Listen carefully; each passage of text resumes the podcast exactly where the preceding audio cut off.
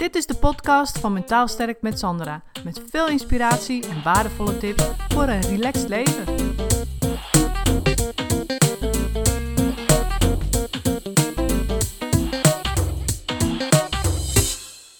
Hey, leuk dat je luistert. Een tijdje terug heb ik een uh, waardevolle video opgenomen waarvan ik dacht: hey, die is ook interessant om via de podcast te beluisteren. Dus bij deze, veel luisterplezier. Hey, Sandra hier en ik ben live. En ik ga vandaag een vraag beantwoorden van een van jullie. En die vraag gaat over uh, de innerlijke criticus, die soms alles overheersend is. En uh, vooral in stressvolle periodes, zegt ze. Dus uh, ze vraagt aan mij: heb jij tips in het omgaan met die innerlijke criticus, die soms gewoon alles uit balans trekt, waardoor er een soort sneeuwbaleffect ontstaat? En het gezonde innerlijke evenwicht is dan zoek. Dus wat zijn daarvoor jouw tips? Nou, mijn tip daarvoor is een hele belangrijke. En dat is namelijk zelfcompassie. En ik zie dat er een aantal mensen meekijken. Leuk, leuk. Uh, de tip is zelfcompassie. En zelfcompassie, als de Belgische mensen meekijken, zelfcompassie is vergelijkbaar met het hebben van compassie voor een ander. Het gaat dus niet over zelfmedelijden. Ik heb zelf een training zelfcompassie in België gedaan. En uh, mensen denken daar dat zelfcompassie zoiets is als uh, medelijden met jezelf hebben. Nou, dat is het in Nederland niet. Dus zelfcompassie is vergelijkbaar met het hebben van compassie voor een ander. Stel, je vriendin is ontslagen en die voelt zich vreselijk. Hoe zou je dan op haar reageren? Nou, wat zou je voor haar doen? Een van de dingen die je misschien zou zeggen is van... Goh, wat is dat moeilijk voor je? Weet je, kan ik iets voor je doen? Je toont compassie.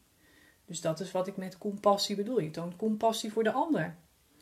Maar stel je nu voor dat je dat zelf was. Hoe reageer je dan op jezelf en hoe spreek je dan tegen jezelf? Als jij ontslagen bent op je werk, spreek jij dan op diezelfde aardige manier tegen jezelf als je tegen die vriendin praat? Of niet? Of gun je jezelf geen moment van rust? Ga je in de oplossingsmodus? Uh, schaam je je misschien voor jezelf? Ga je het probleem vergroten? Ben je boos op jezelf? Hoe heb je het zover laten kunnen komen? Weet je? Je kunt ook zeggen bijvoorbeeld: Het is niet erg, we zien wel. En dat is het hele probleem met die innerlijke criticus. Die. We denken namelijk dat als we streng zijn tegen onszelf, dat dat ons motiveert. He, bijvoorbeeld, je bent uh, drie kilo aangekomen en je hebt de afgelopen tijd niet echt gesport. Nou, daardoor voel je ook niet echt, zit je niet lekker in je vel. Maar als je zelf compassie voor jezelf hebt, dan zeg je misschien tegen jezelf: Goh, weet je, misschien zou je vanavond alvast eens een stukje kunnen gaan hardlopen. Nou, oké, dat klinkt redelijk, hè?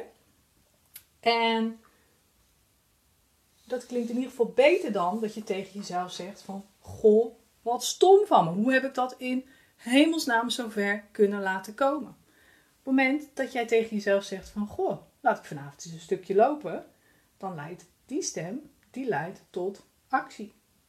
Want ja, dan is het uh, prima, dan ga je dat gewoon doen. Dan is dat gewoon ook haalbaar. Maar als je tegen jezelf zegt van, oh wat stom, hoe heb ik het zo ver kunnen laten komen? Ja, wat denk je dat er dan gebeurt? Dan ben je niet echt gemotiveerd om in actie te komen. Dus die harde stem, die innerlijke criticus, helpt je niet verder. We denken altijd dat het ons motiveert als we maar hard genoeg tegen onszelf zijn. Niet zeuren, niet aanstellen, gewoon doorgaan. Maar uiteindelijk dwingen we onszelf dan om weer dingen te moeten en dingen te doen. En leggen we de druk bij onszelf veel hoger. Dat is heel grappig. Dat is natuurlijk iets uit de oertijd. Hè? Dat uh, hebben we allemaal meegekregen. Een zorgsysteem. En dat kun je dus ook heel mooi voor jezelf gebruiken. Dus we hebben net als een gevaarsysteem, hè, wat we vroeger vanuit de oertijd van onze voorouders hebben geërfd, hebben we dus een zorgsysteem. En dat zorgt er natuurlijk voor dat we voor anderen zorgen. Hè? Dat we onze nakomelingen goed opvoeden en dat ze blijven voortbestaan. Hè? Dat hele evolutionaire uh, verhaal. Daarvoor is dat zorgsysteem bedoeld. Maar zelfcompassie activeert dus bij jou ook dat zorgsysteem. Dan voel je je veilig en dan zoek je nabijheid. En het maakt ook nog eens het knuffelhormoon oxytine aan. Dus dat zijn hele positieve effecten die je daarvan hebt. Dus zelfcompassie is heel belangrijk om ervoor te zorgen dat je in actie komt en om je zorgsysteem te activeren, waardoor je veilig voelt. Veilig, uh, knuffelhormoon, je voelt nabijheid. En dat kun je dus ook doen als je dat heel moeilijk vindt, door in eerste instantie die vriendin vraag te stellen. Dus dat je zegt: Oké, wat zou ik eigenlijk in dit. Uh, overkomt je iets ergs? En wat zou. Stel, mijn vriendin overkomt nu hetzelfde. Wat zou ik dan tegen haar zeggen? En geef dat advies wat je aan die vriendin zou geven, geef dat eens aan jezelf. Dus dat is het eerste wat je kunt doen. Vriendinadvies aan jezelf geven. En het tweede wat je kunt doen, is je heel simpel afvragen: wat heb ik nu nodig? Wat heb ik nu nodig? En dan bedoel ik niet dat je dan zegt, nou dan ga ik met een zak chips op de bank zitten, want uh, dat is wat ik nodig heb. Dat is lekker, dan uh, voel ik me ook even beter. Nee, dat is niet wat je nodig hebt. Want we willen kijken naar oplossingen op de lange termijn. En niet op de korte termijn. En een zak chips op de bank opeten, waardoor je misschien even, even lekker voelt dat je denkt, ja, dit heb ik nu echt nodig. Nou, dat helpt misschien heel even op de korte termijn. Maar op de lange termijn voel je dan ook natuurlijk weer slechter over jezelf. En we willen oplossingen die op de lange termijn voor je werken. je, je, kind kun je, uh, je, kunt, je laat ook niet je kind de hele dag ijsjes eten en niet naar school gaan. Nee, dat is gemakzucht, dat is verwaarlozing. Dus als je dat voor jezelf als oplossing hebt, is dat ook gemakzucht en verwaarlozing. Dat is dus niet wat we bedoelen met zelfcompassie en met de vraag: wat hebben we nu nodig? Wat heb ik nu nodig? Nee, daar bedoelen we dus mee. Wat heb ik nu nodig? En wat is een oplossing voor de lange termijn? En de oplossing voor de lange termijn is natuurlijk dat je leert omgaan met die innerlijke criticus. En dat je die eigenlijk, dat je jezelf eigenlijk gaat trainen om dat, bij jezelf dat zorgsysteem te activeren. Vanuit zelfcompassie. Dus wat je nodig hebt voor de lange termijn is een training. En op het moment dat je ergens doorheen zit, stel je de vraag: wat zou ik nu een vriendin voor een advies geven?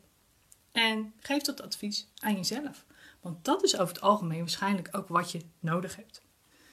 Dus, dat was even uh, mijn antwoord op de vraag die mij uh, via de mail gesteld is. Dus ik hoop dat jullie het interessant vonden. En als er nog vragen zijn, dan, uh, dan kan dat natuurlijk. Dan hoor ik dat graag.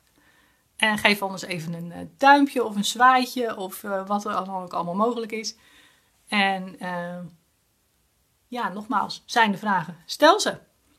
En zo niet, dan zie ik jullie weer in de volgende live video.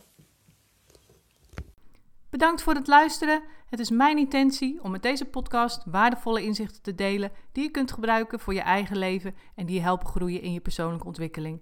Wil je voortaan alle verhalen bij elkaar hebben staan? Abonneer je dan even op Mentaal Sterk met Sandra op iTunes of Stitcher. En ben je enthousiast over mijn verhaal? Dan zou ik het superleuk vinden als je een review achterlaat. Dat kun je doen in iTunes of Stitcher en geef je bij beoordelingen en recensies een korte review. En ben je echt enthousiast? Geef dan 5 sterren. Dat zorgt ervoor dat ik hoger in de ranking kom te staan en nog meer vrouwen kan inspireren tot een relaxter leven. Dank is groot als je dat even voor me wilt doen. Tot de volgende keer bij een nieuwe uitzending.